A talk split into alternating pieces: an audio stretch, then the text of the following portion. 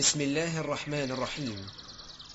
أخي الكريم إن هذه المادة متممة لمادة الشريط السابق والتي عنوانها وقفة مع الجن. لفضيلة الشيخ الدكتور محمد إسماعيل. والآن مع الشريط الثاني من المحاضرة الثانية هل السحر تستطيع أن تجزم يعني بلا شك طبعا الساحر له حد شرعي. يعني كأن الساحر له عقوبة شرعية يقتل الساحر. واضح؟ على تفصيل. وكلام كثير للعلماء في هذه القضية. لكن يعني باعتبار أن يعني السحر جريمة من الجرائم التي يعاقب يعاقب عليها.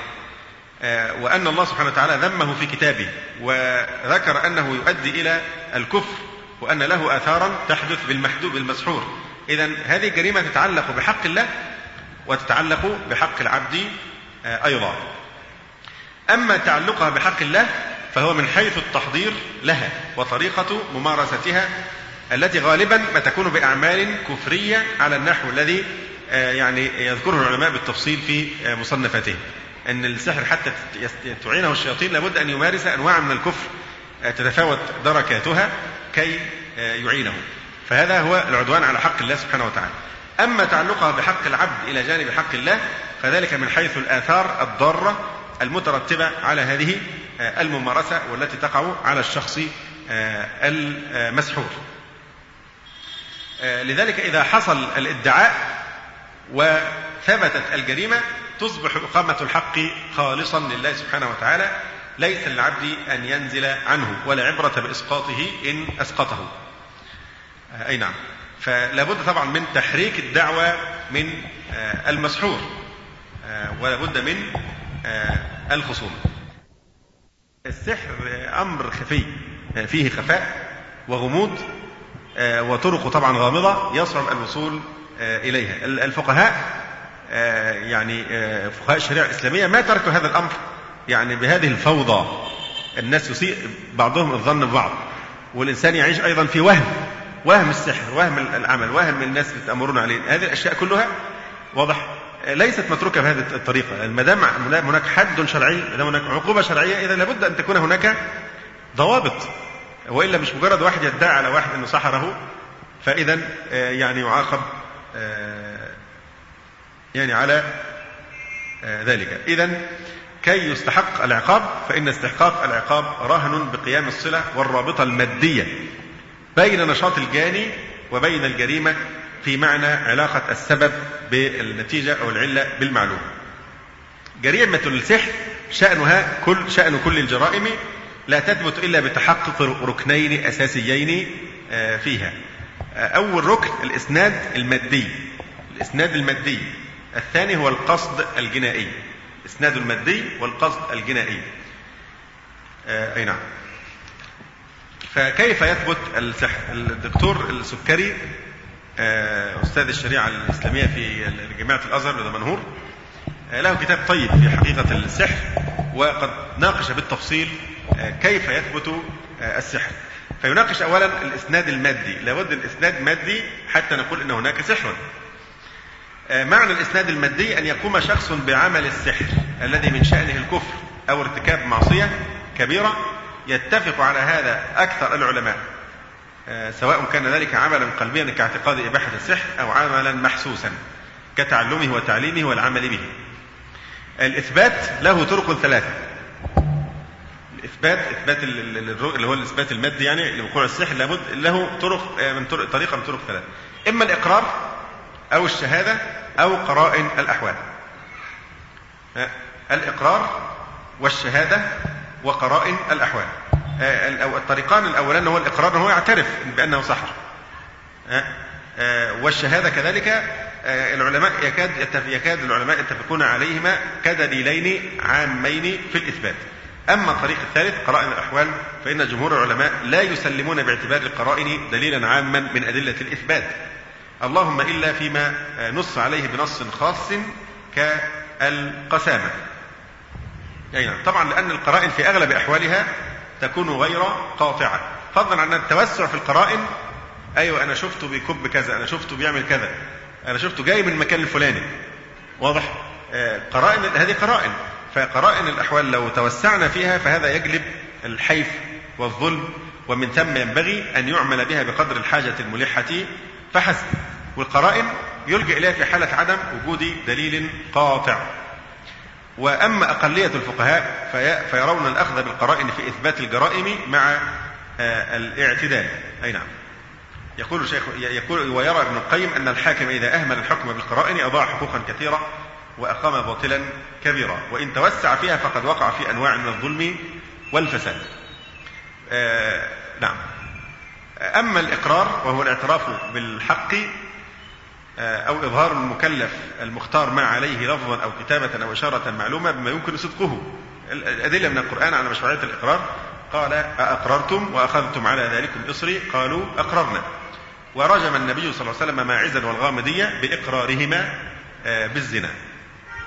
ولذلك الاعتراف أو الإقرار سيد الأدلة كما يعني يقول القانون حتى الوضع.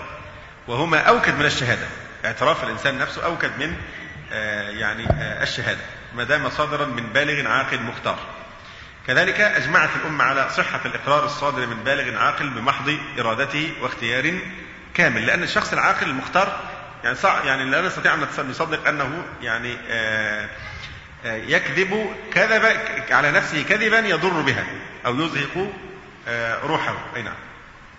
مثلا صورة من صور الإقرار أن الساحر يأتي ويعترف أنه أنه ساحر ويستخدم السحر أو يقول قتلت فلانا بسحري أو سحر يقتل في أغلب الأحوال.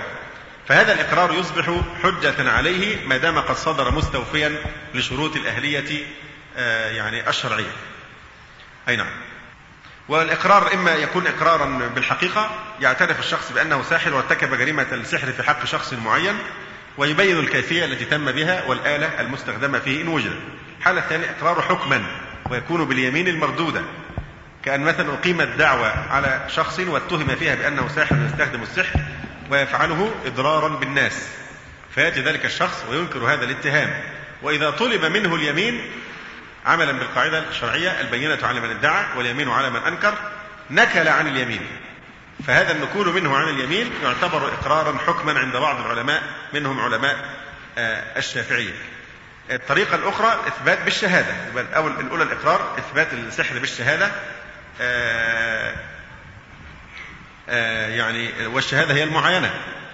آه، وهي إخبار صدق لإثبات حق بلفظ الشهادة في مجلس القضاء. كما قال تعالى واستشهدوا شهيدين من رجالكم. وفي الحديث شاهداك أو يمينه. وكذلك الإجماع أيضا على شرعية الشهادة للحاجة إليها خاصة في هذه الأزمان. أي نعم. اختلف العلماء في ثبوت السحر ب بالبينة. والحقيقة نتجاوز عن التفاصيل. أنا يعني المقصود من كل هذه من كل هذه الأشياء أن الموضوع له ضوابط. العلماء ما تركوه هكذا بلا خطام وبلا زمام. فالإنسان لا يتهم أحدا إلا أن يعترف هذا الأحد أنه سحر أو بالبينة أو بقرائن آه، الأحوال أو بالشهادة على النحو الذي يعني آه، ذكرنا. أي نعم.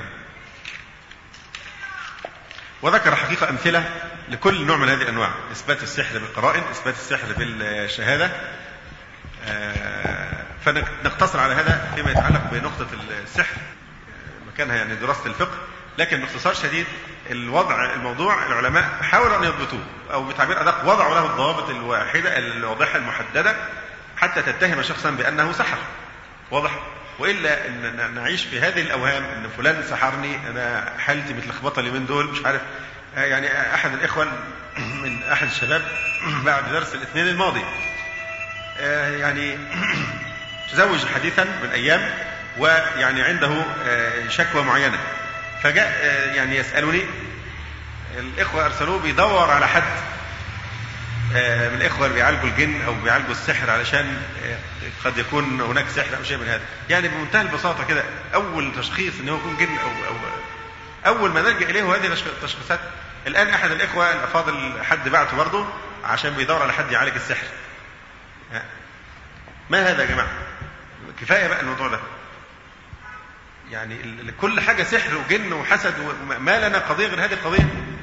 آن لنا أن نهجر هذا الموضوع تماما. لا نتكلم فيه ولا عندنا حد بيعالجه ولا ولا عايزين نتكلم لا أشرطة ولا كتب ولا تنصتوا إلى هذا الموضوع. هذا هو علاج هذا الاستغراق في قضية الجن وقضية السحر. إحنا مش فاضيين لهذه القضايا. عندكم أمور أخطر بكثير وأهم وأكثر جدية. أما أن كل واحد يعني يسيطر عليه الوهم والإيحاء ويصبح الملتحي والقلنسوة دي, دي معناها دول بتوع علاج الجن والسحر لا عايزين نرجع زي زمان.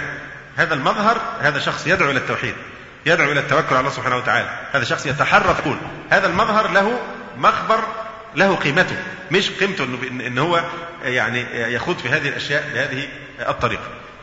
كما ذكرت من من قبله الموضوع سيطر لدرجة إن إحنا نكاد نقع في نوع من يعني يعني نوع من الشرك أو الخوف من غير الله سبحانه وتعالى. يعني ولا يخافون أحدا إلا الله سبحانه وتعالى.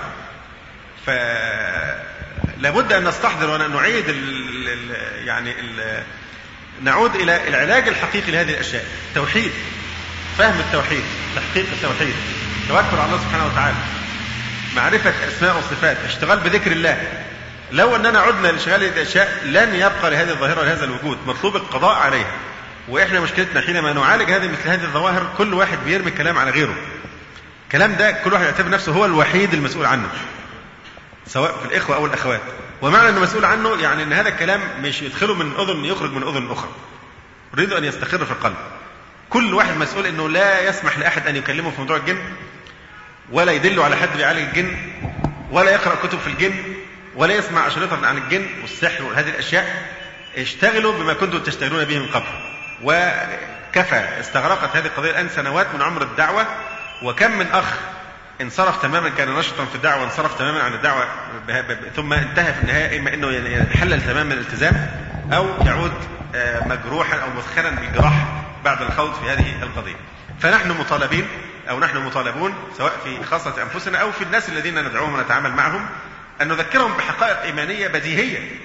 أين نحن من قول الله تعالى إن كيد الشيطان كان ضعيفا. لا إحنا بننفخ في الشيطان. بننفخ في الشيطان ونعظم الشيطان ونخاف من الشياطين حتى إن واحد يقول ربنا يستر المحاضره تعدي على غيرها ماذا سيفعل؟ إن كيد الشيطان كان ضعيفا ثم أيضا نكون على ثقة إن الجن يهابوننا ويخافوننا واضح كما قال مجاهد إنهم يهابونكم كما تهابونهم هل أنت إذا اعتصمت بالذكر وبآية الكرسي وبالذكر وبالرقى الشرعيه يستطيع الجن أن يؤذيك؟ حقق أنت ولاية الله سبحانه وتعالى لا يعني يهرب منك كما كان يهرب من عمر رضي الله عنه. قال النبي صلى الله عليه وسلم لعمر يا ابن الخطاب ما سلكت فجا إلا سلك الشيطان سلك الشيطان فجا غير فجك. بسبب ماذا؟ نور الإيمان يحرق هذا الشيطان ويصرفه. أما ان ان, إن إحنا بهذه الطريقة الخضوع للجن الخوف من الجن الجن هيعمل الجن هيسوي. الجن هيأذيني لو عملت كذا. هذا هذه يعني هذه الأشياء في الحقيقة انحراف. آن لنا أن نتحرر منه. وعن شيخ كان يكنى أبا شرعة. قال رآني يحيى الجزار وأنا أهاب أن أدخل زقاقا بالليل. فقال لي إن الذي تهاب هو أشد منك فرقا. هو بيخاف منك أكثر من أنت بتخاف منه. فما فيش حاجة اسمها واحد يخاف يدخل المكان عشان عشان الحتة دي فيها عفاريت والحتة دي فيها جن. اقتحم. وتوكل على الله سبحانه وتعالى. حقق التوحيد هو يخاف منك. أن هؤلاء الناس لا يستحضرون هذا المعنى. إن كنت أنت معتصما بالله هو طبعا يعني يستولي على الذي يغفل عن ذكر الله عز وجل. لكن الذي يعتصم بالله سبحانه وتعالى وبذكر الله فهذا يعني لا سبيل للشيطان إليه. كما يعني يقول بعض يعني ونحن إذا يعني رجعنا قول قوله تبارك وتعالى قل أعوذ برب الناس ملك الناس إله الناس من شر الوسواس الخناس. مش تكلمنا في تفسير المعوذتين ما معنى الوسواس الخناس؟ يعني كما ذكرنا من قبل إذا ذكرت الله انخنس وتصاغر وصار حقيرا وإذا وقعت الغفلة انبسط وظل يعمل بالوساوس وهذه الأفكار فلا يطرد الشياطين من القلب إلا ذكر الله سبحانه وتعالى. فادعوا الناس إلى الاشتغال بذكر الله. اشتغلوا بذكر الله بقراءة القرآن. ما يكون في جن ولا يكون له أي سلطان على يعني يعني قلوبكم. فالقلب مثل حصن والشيطان عدو يريد أن يدخل هذا الحصن ويملكه ويستولي عليه. فلا يمكن حفظ الحصن إلا بحراسة أبوابه. واضح؟ فلا يقدر على الشخص على حراسة أبواب لا يعرفها. ولا سبيل إلى دفع الشيطان آه، يعني إلا بمعرفة مداخل الشيطان إلى هذه آه، النفس. آه، يعني فيعني يعني على الإنسان أن يعني يحصن نفسه كما جاء في الأحاديث في فضائل الذكر بذكر الله. أعظم حصن وتكون على ثقة. لما تكون كلمة أعوذ يبقى مش كلمة بتقولها بدون تدبر. أعوذ يعني أعوذ ألجأ وأحتمي.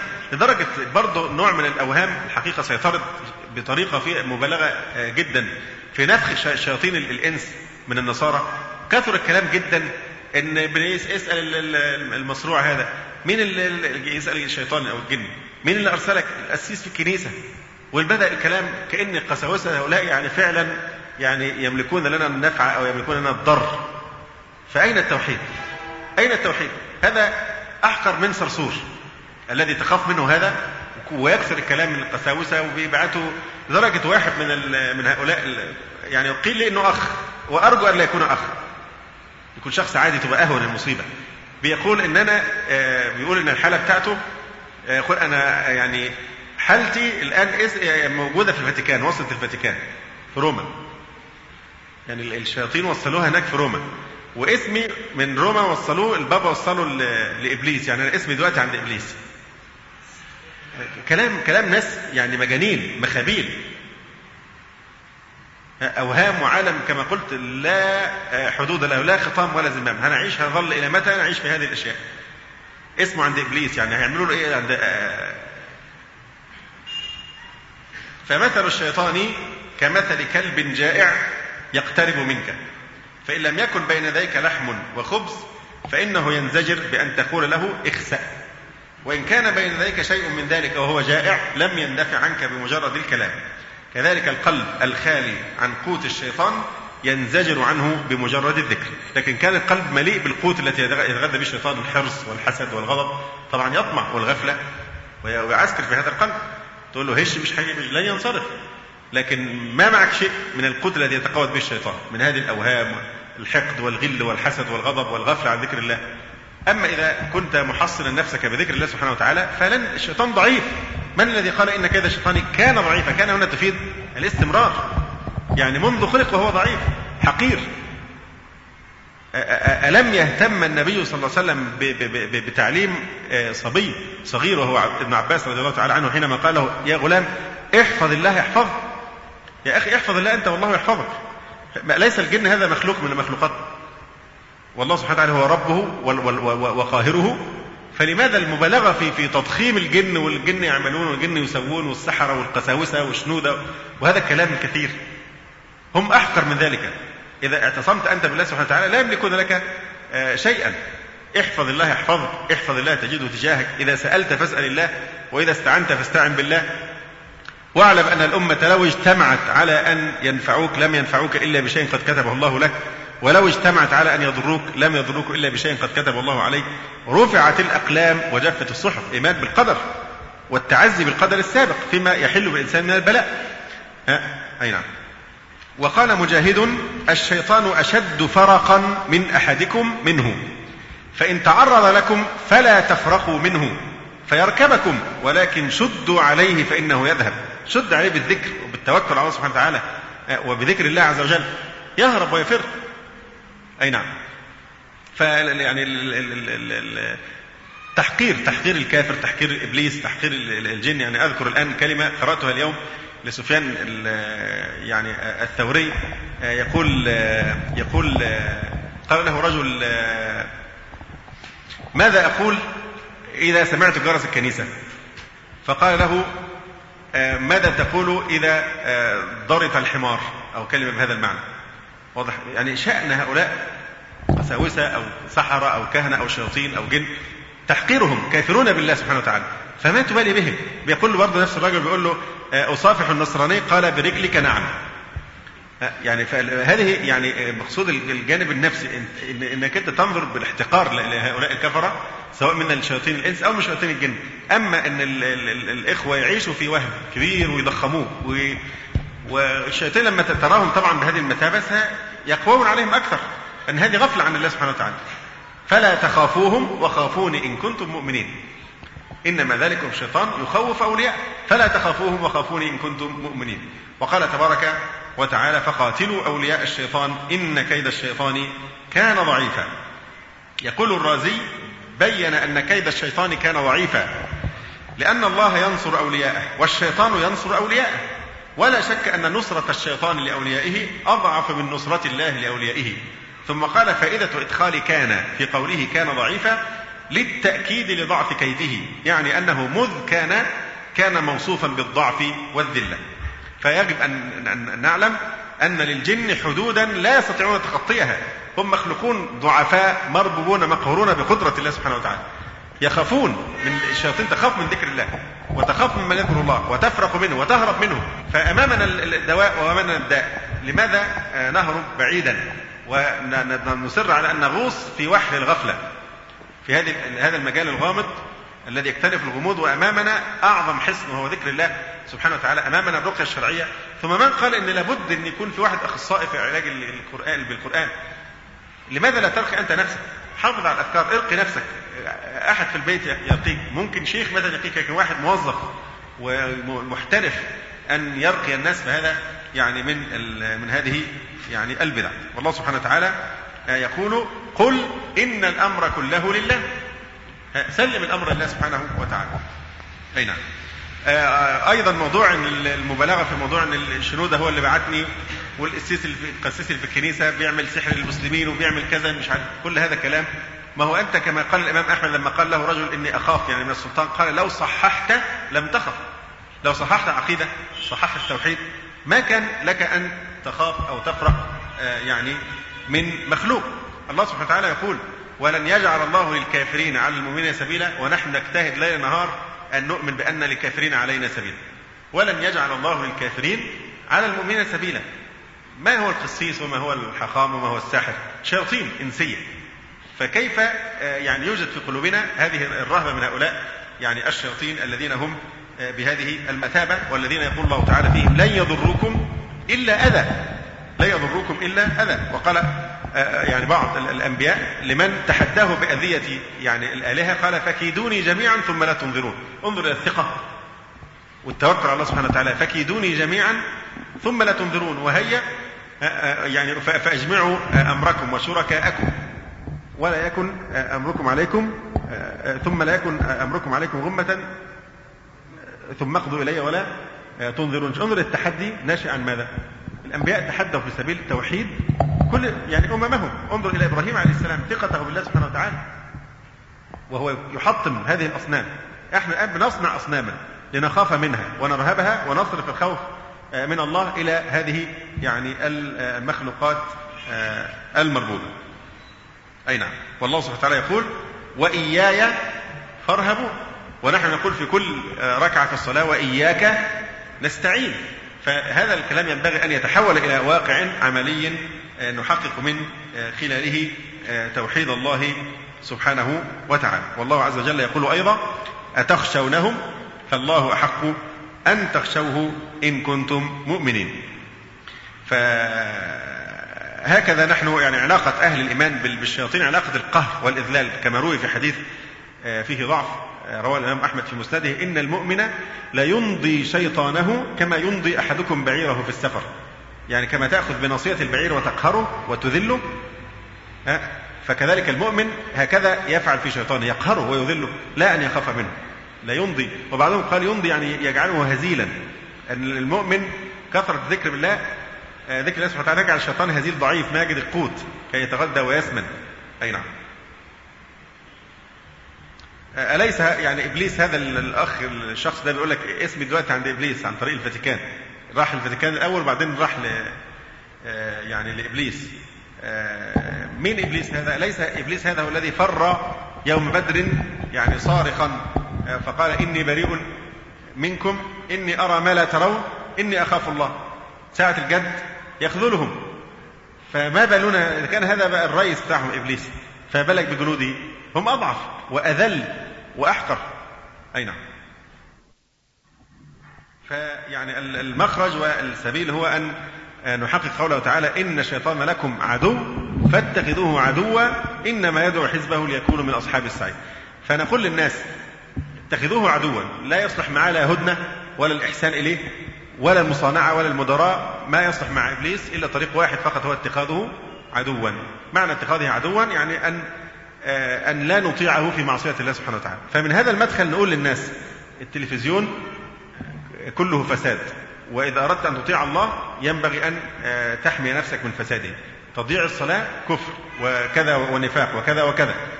مش نحن نربط التزامه بالعلاج. بمعنى إنه بعض لذلك بعض الناس يقول لك ما ما لقاش فايدة راح سايب رجع الصور وشغل التلفزيون. فإحنا مش بنطيع الله سبحانه وتعالى ونلتزم بالدين علشان العلاج فإذا قضيت الحاجة خلاص لا المفروض المدخل يكون دعوة إلى العبودية لله سبحانه وتعالى وليس إلى تحصيل هذه يعني المصلحة. نعم. فنتذكر قول الله سبحانه وتعالى إن عبادي ليس لك عليهم سلطان. وقوله تعالى وإن يمسسك الله بضر فلا كاشف له إلا هو. كله بيدور على السحرة دلوقتي واللي بيعالجوا الجن. التجئ يا أخي إلى الله سبحانه وتعالى. حقق إياك نستعين. أي نعم. وإن يمسسك الله بضر فلا كاشف له إلا هو. استعن بالله سبحانه وتعالى بالدعاء وبالذكر وبالاجتهاد في الطاعة. يكشف ما بك من كرب. وقال تعالى حكينا عن آه، حبيب النجار إن يردني الرحمن بضر لا تغني عني شفاعتهم شيئا ولا ينقذون. وقوله تعالى قل لن يصيبنا إلا ما كتب الله لنا. أي نعم. وقوله تعالى وما أصابكم من مصيبة فبما كسبت أيديكم. آه، يعني وغير ذلك من يعني النصوص. آه، أيضا من التنبيهات المهمة آه، وإن كنا ذكرناها من قبل أن ينبغي أن نتعامل مع هذه الحالات بصفتنا بشرا. بشر تعامل مع الواقع الذي أنت فيه. واضح؟ إذا أصبت بمرض تذهب إلى الطبيب الأخصائي.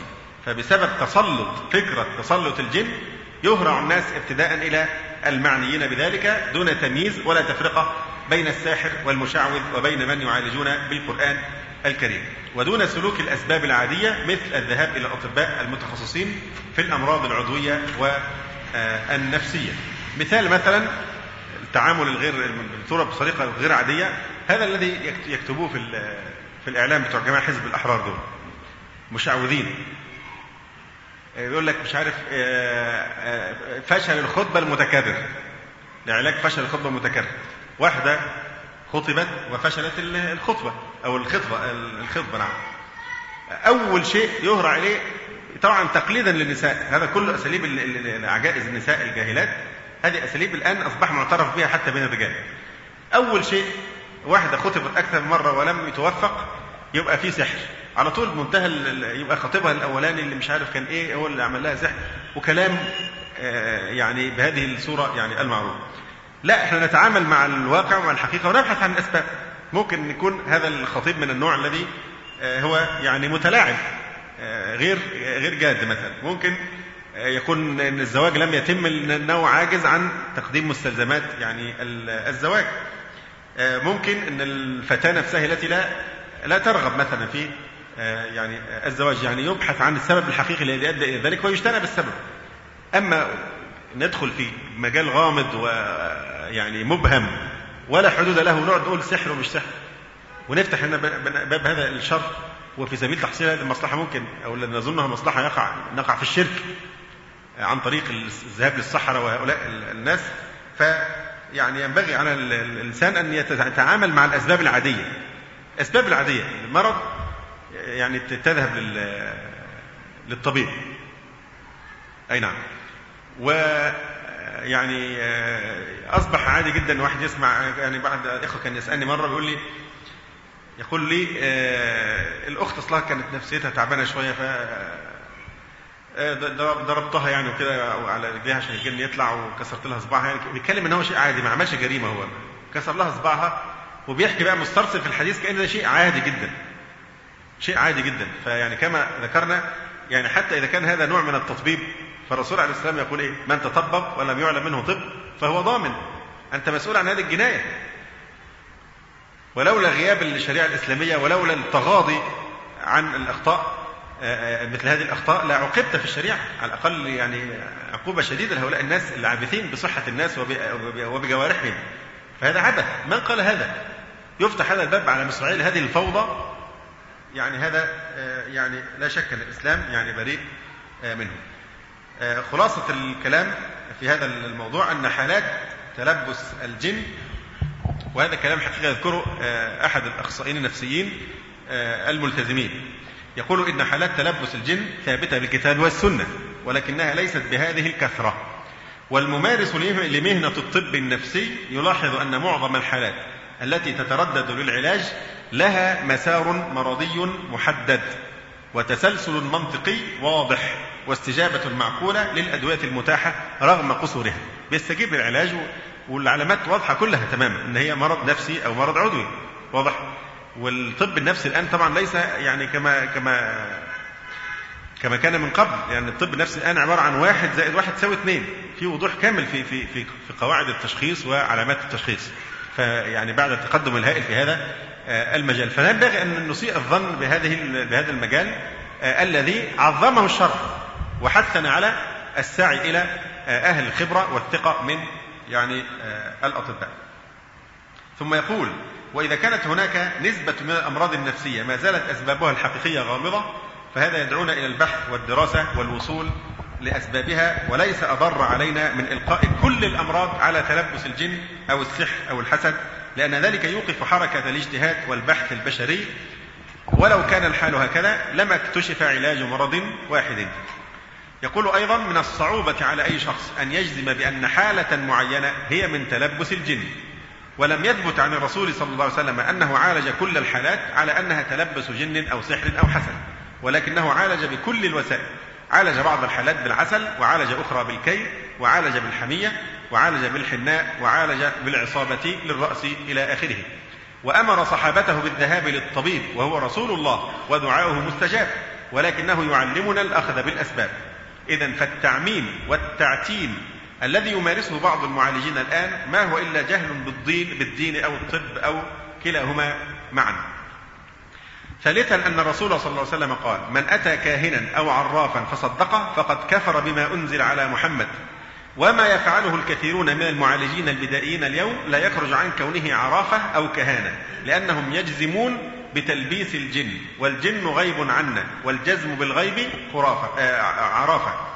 وإذا كان بعضهم على علم فالغالبية على درجة شديدة من الجهل وإذا كان بعضهم تقيا فالغالبية على غير الجادة وليس هناك رقابة على ممارستهم لذلك. فالمريض المسكين حين يذهب إلى أحدهم فهو يرمي نفسه في المجهول.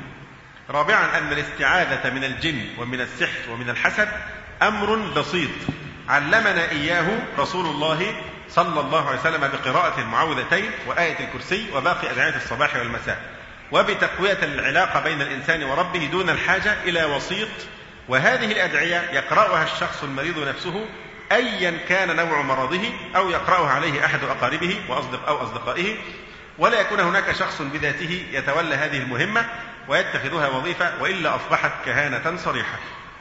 خامسا ليس هناك ما يمنع بل إنه من الضروري. بين أخذ الدواء الذي يصرفه الطبيب المتخصص وبين الدعاء وقراءة القرآن والرقية الشرعية. لا مانع على الإطلاق بجانب الأسباب العادية أن تتعاطى العلاج بالقرآن الكريم وبذكر الله سبحانه وتعالى وبالرقية الشرعية التي علمنا إياها رسول الله صلى الله عليه وسلم. فكل هذا من أمر الله. كل هذا من القدر. أن نحارب القدر بالقدر. سواء قدر التداوي بالأدوية أو التداوي بالقرآن الكريم الذي قال تعالى فيه وننزل من القرآن ما هو شفاء ورحمة للمؤمنين. أما الأخذ بشيء مع إهمال باقي الأشياء فهو من قبيل النقص فالإنسان جسد ونفس ولا يمكن الفصل بينهما. وللجسد ما يفيده وللنفس ما يلائمها. أي نعم.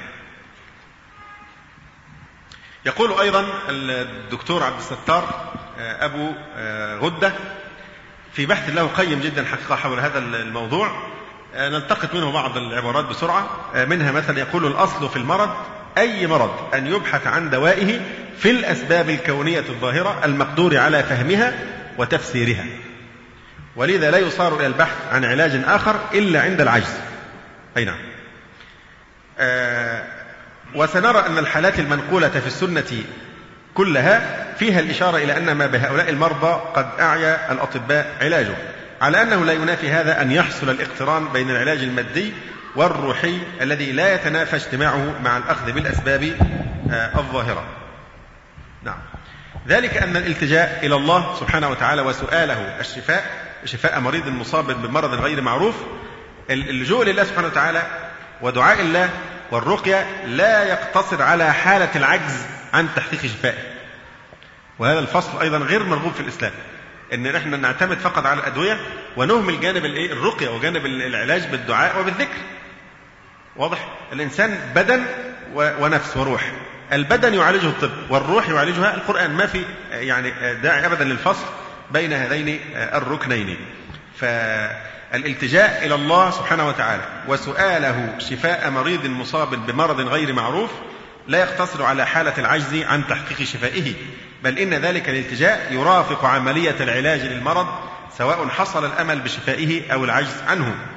إنما لا يسوغ الاقتصار على العلاج الروحي ويترك الأخذ بالأسباب الأخرى التي وضعها الله سبحانه وتعالى في صورة قوانين طبيعية وجاءت الشريعة بالتأكيد على أن الأخذ بها لا ينافي التوكل على الله بل إن عدم أخذها إنما هو عجز وتواكل منهي عنهما شرعا ومستنكران عقلا وطبعا. نعم. يقول أيضا الإقدام على وسائل العلاج الروحي الزائدة على الدعاء والتعوذ والرقية من غلظة وشدة وانتهاء وتهديد من المعالج. موجهة في ظاهر المريض لا يحل إلا بعد أن يثبت أنه لا علاج له في الطب. أي حتى يستيقن بأن سبب هذا المرض غير عضوي. وأن يكون المعالج موقنا أيضا بسلامة تصرفه وأن تكون عاقبة ذلك مطابقة لما رآه وإلا لم يكن بمنجاة من القصاص والتعزير. أي نعم. ثم ذكر أمورا آه، يعني من المعوذات المعروفة الاستعاذة من النزغات الشياطين وقراءه المعوذتين وقراءة آية الكرسي وسورة البقرة والآيتين من سورة البقرة إلى غير ذلك من الأذكار يعني المعروفة في هذا آه، المجال. أي نعم. ثم وجه إليه للدكتور عبد الستار أبو غدة في نهاية هذا البحث بعض الأسئلة منها مثلا آه، كان يخاطب هو بعض الأطباء كان يحاضر في الأطباء بهذا الكلام. فسئل من أحدهم نحن نعتقد بالجن باعتبارنا مسلمين. والتعبير طبعا ده أدق ان إحنا نقول باعتبارنا أو بصفتنا. ولا داعي كلمة كمسلمين التي تقتضي التشبيه كمسلمين. لكن بصفتنا مسلمين. نحن نعتقد بالجن باعتبارنا مسلمين إلا أنه ما هو الدليل المستخرج من الشريعة على أن الجن قد يصيب آه، يسبب الأمراض وخاصة الأمراض العقلية النفسية وما هو الدليل على أن الشفاء يتم باستخراج أو طرد الجن. الجواب وردت بعض الأحاديث الصحيحة التي تدل على أن الجن قد يتسلطون على ضعاف الناس ويسببون لهم احوالا مرضية لا يجدي فيها العلاج الطبي. وورد أن بعض هذه الحالات عولجت بتقوية نفس المصاب. وذلك بالتعوذ بالأدعية وزجر الجن المتسلط عليه. ولا يقوى على ذلك إلا من كان قوي الإيمان والعزيمة حتى يكون سلطانه على الأنفس الشريرة أقوى من سلطانها. فإذا تخلص المصاب مما كان يعاني دل ذلك على جدوى العلاج. هذا وإن, وأن درجة هذه الأحاديث تصلح الأخذ بها عملا ولم تصل إلى درجة أن يبنى عليها اعتقاد. يبدو أن يقصد عدم التواتر. دي قضية أخرى. سؤال كيف نتعرف على أن الجن مسيطر على شخص ما؟ الجواب إذا أصيب الإنسان بمرض أو خلل في جسمه أو عقله فإن السبيل التي دعت إليها الشريعة هي الرجوع إلى المختصين من الأطباء. فإذا لم يجد العلاج الطبي فإنه من المحتمل أن يكون سبب الإصابة أو المرض غير عضوي. فيضم إليه العلاج الروحي من مثل الأدعية والأذكار وتقوية نفس المصاب والتغلب على تسلط النفس الشريرة المؤثرة عليه سؤال هل مسموح التعلم بكيفية استخراج أو التخلص من الجن؟ الجواب ليس هناك أمور خاصة تحتاج إلى تعلم أو تعليم بل كل ما يحتاج إليه العلاج هو الدعاء بالأدعية المأثورة وترداد الأذكار الواردة مضافا إلى ذلك صلاح المعالج وتقواه وقوة نفسه. نعم. آه، يشير أيضا هنا يقول إن الجوانب الروحية والدينية في العلاج للأمراض عامة والنفسية منها بخاصة هي العنصر الثابت الدائم في العلاج مهما تبدلت وسائله الأخرى الخاضعة لمعطيات التجارب والكشوف يقول أيضا يعني نختم البحث عما بعد قليل يعني لأن نريد أن نفرغ منه الآن لا داعي نتعطل أكثر من هذا. آه، يقول أيضا آه، في كلامه عن العلاجات الروحية الغيبية يقول ومن الواضح أن العمل بالشيء أو تركه من آخر غير التصديق والجحود. يقول حين نقرر تميز العلاج الروحي ونشير إلى بعض الصور الغيبية لا, لا نلتزم ولا نقبل من, من صوره إلا ما ثبتت شرعيته بالنصوص الصحيحة بعيدا عن الخرافات والأوهام وذلك منهج واضح. لأن الإسلام قد وضع الأسس الكفيلة بإبعاد صور الدجل والاستغلال التي يخترعها كثيرون ممن يستغلون حال ضعف المريض واستسلامه لكل من يلوح له بالعلاج وإن تسليط الأضواء على المنهج الصحيح كفيل بإزهاق الباطل حتى يذهب الزبد جفاء وبإحقاق الحق حتى يبقى وهو ما كان قائما على أدعية وتعويذات مشروعة وهادفة. ولا بد أن يؤدي إلى ضحض الشوائب التي علقت بهذا العلاج بسبب الغموض الذي يستغله بعض المشعوذين. إن ما جاء في الطب النبوي من علاجات روحية في المرض والوجع واللدغة والإصابة بالعين مما صحت به الأحاديث كله قائم على دعاء الله مباشرة دون وسيط بأن يلهم الإنسان سواء السبيل للوصول إلى العلاج الناجع. فإذا أصيب دواء الداء برأ بإذن الله سبحانه وتعالى. وهذا الدعاء يصدر من المريض أو ممن يتوسم فيه استجابة دعائه بعيدا عن حمل التمائم آه، والحجب. ثم يقول أيضا وهناك شعار يمكن رفعه في الدعوة إلى رحابة الصدر بهذا العلاج وهو مستمد من قول النبي صلى الله عليه وسلم تعقيبا على استعراضه بعض الرقى المتداولة وإقرار ما كان منها خاليا من الشوائب المخلة بالعقيدة أو السلوك الإسلامي حيث قال صلى الله عليه وسلم من استطاع منكم أن ينفع أخاه فليفعل. وإن تسليط الأضواء على هذا النوع من العلاج إتاحة أو إباحة للنفع كما أن من ينكره عن جهل عن جهل مضمونه ومستنداته يوصد بابا للنفع ويصد عن سبيله. يعني هنا يرد على الأطباء الذين ينكرون العلاج القرآني وبالذكر والعلاج الروحي. يقول هذا الرسول عليه والسلام يقول من استطاع منكم أن يفعل أخاه فليفعل. ما دام في انضباط بالضوابط الشرعية المعروفة. واضح؟ فسد هذا الباب يغلق على الناس هذا الباب من أبواب العلاج الحقيقي وهو العلاج الروحي بالقرآن وبالرقى وبالأدعية. واضح؟ أي نعم. ثم يفصل آه، في يعني البيان أن التوحيد آه، التوحيد هو أعظم علاج نشر التوحيد وتعليم الناس التوحيد أعظم يعني آه، علاج ووقاية من هذه الأشياء. أخيرا نركز على العلاج الأمثل باختصار شديد ونجمع متفرقات ما مضى. يعني نقول نحن لن نعاتب الشياطين والجن على على أن زادونا رهقا لأننا نحن الذين يعني ضخمنا فيهم بهذه الصورة المرضية والوبائية. العلاج الأمثل هو بالوقاية بالرقى والأذكار والاستقامة على شرع الله سبحانه وتعالى. الآن نحن نحتاج إلى اتخاذ إجراء صارم. آه، يعني الإخوة اللي بيبيعوا الكتب مثلا يتوقفوا تماما عن أي يعني الجناح اللي بيفتحوه في كل مكتبة جناح للجن. نريد أن نكف حتى لا تروج هذه التجارة التي جلبت إلينا هذا البلاء. نقاطع كتب الجن. نقاطع التأليف في الجن. نقاطع أشرطة الجن. آه، في مجالسنا لا نحضر مجالس المعالجين. ولا ونمتنع عن الكلام تماما في هذا الموضوع. إماتة هذا الموضوع وإخماده آه، أفضل آه، يعني شيء. التراب طول ما هو على الأرض مستقر ما في مشكلة. لكن كونك تثيره وتحركه فيملأ الجو يعني يؤذي الناس.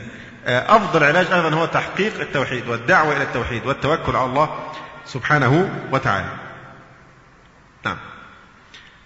آه، توعية الناس بالشركيات المنتشرة بالدجل وبالشعوذة بالعرافة والكهانة والسحر وكيفية صيانة العقيدة والتوحيد آه، من هذه الشركيات. أيضا تجنب الوحدة والفراغ آه، القاتل الذي يعني ساعد في نشر هذه الظاهرة وأخيرا الالتزام بالجماعة كما قال النبي صلى الله عليه وسلم ما من ثلاثة في قرية ولا بدو لا تقام فيهم الصلاة إلا استحوذ عليهم الشيطان فعليكم بالجماعة فإنما يأكل الذئب من الغنم القاصية. أقول قولي هذا وأستغفر الله لي ولكم. سبحانك اللهم ربنا وبحمدك أشهد أن لا إله إلا أنت أستغفرك وأتوب إليك. والسلام عليكم ورحمة الله وبركاته. ختاما نسأل الله أن يجزي الشيخ محمد خيرا على هذه المحاضرة. ونتمنى لكم علما نافعا وعملا صالحا. مع تحيات إخوانكم بدار بلال للإنتاج والتوزيع بالإسكندرية.